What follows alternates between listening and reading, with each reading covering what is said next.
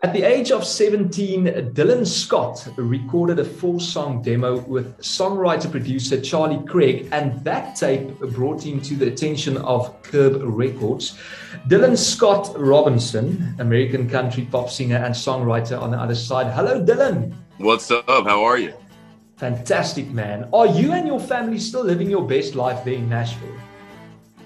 Yes, we're in Nashville. I'm not in Nashville at the moment. I'm in Louisiana, uh, where I grew up we came down here for the week to hang out. But uh, yes, we're based in Nashville. I've been there 11 years now, and uh, Nashville's home.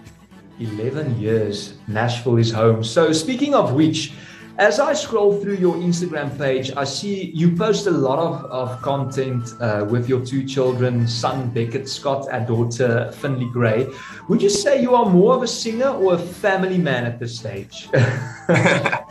Oh man, that's a tough one. I mean, being a daddy is a full time job uh, and a husband. That is your full time job, you know. But singing is my job. Singing is what provides for my family. So um, I would say uh, first and foremost, I am a husband and daddy, and uh, my job is um, a singer. So, and uh, before we talk about your song, the brand new single "Nobody," uh, first a bit of history, um, Dylan. If I'm not mistaken, you signed with the label prior to your 19th birthday and released your debut single "Making the Boy Go Crazy." That was back in 2013. How has the music industry been treating you since?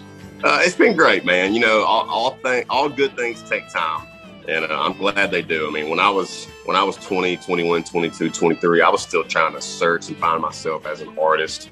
And uh, I mean, I'm totally different now than I was then. So uh, all good things take time, um, and so I think it's been great. Let's talk about the brand new song Nobody. Recently hit number one at country radio in the US of A, which is a newly RIAA certified gold how did this achievement yep. make you feel?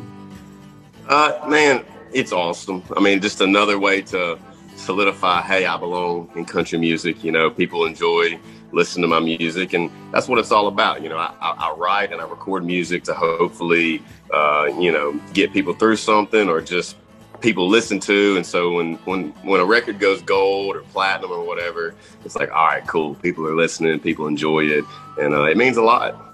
Uh, another congratulations because I also heard that the singles music video won the 2021 CMT Music Awards Breakthrough Video of the Year.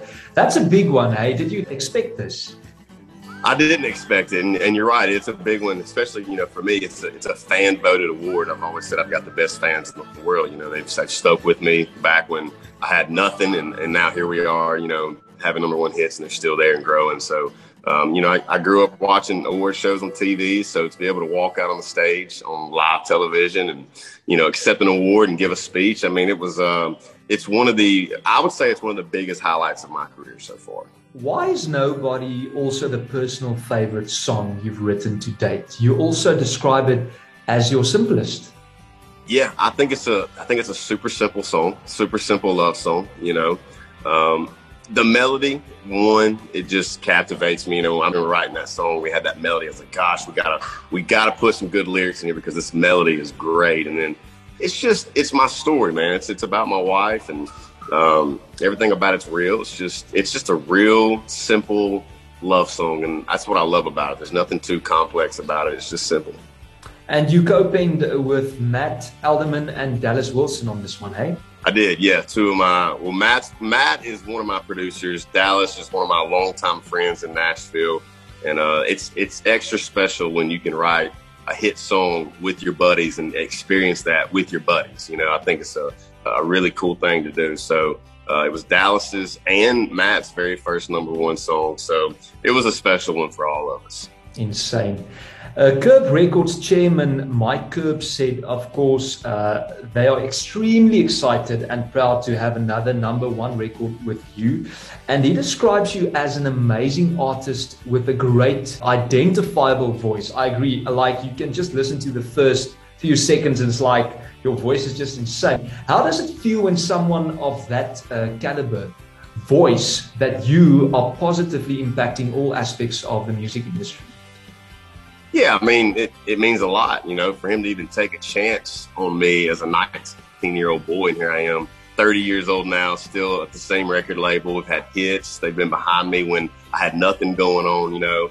Um, and just all the stuff that Mike Curb has done throughout his history and have him say something like that's uh, it's an honor. It really is. So um, it's cool. You know, I, I don't know. I don't. Sometimes I, I, still wake up and pinch myself every day that all right, I'm on a record label with, you know, Mike Curb owns it and all the stuff going on. So it's um, it's a it's a great place to be. You made him proud, and uh, it's a crazy time right now. But you also recently performed on your very first award show. Tell me all about that experience, please. Yeah, it was cool. I mean, it's one thing, you know.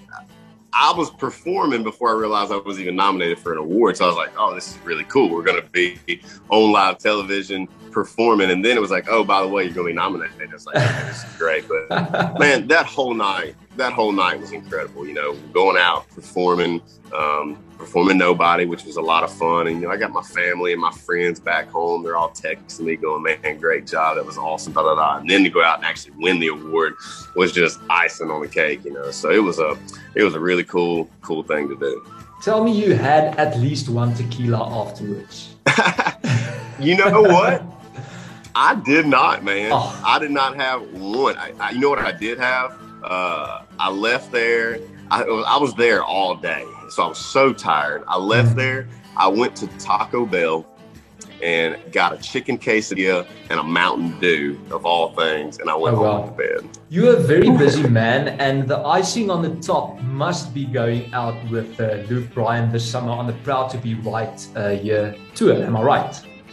You are, man. It's um, we're about I don't know. I'd say almost halfway done with this tour already, and it has obviously it, it's been it's been insane. The crowds have been amazing.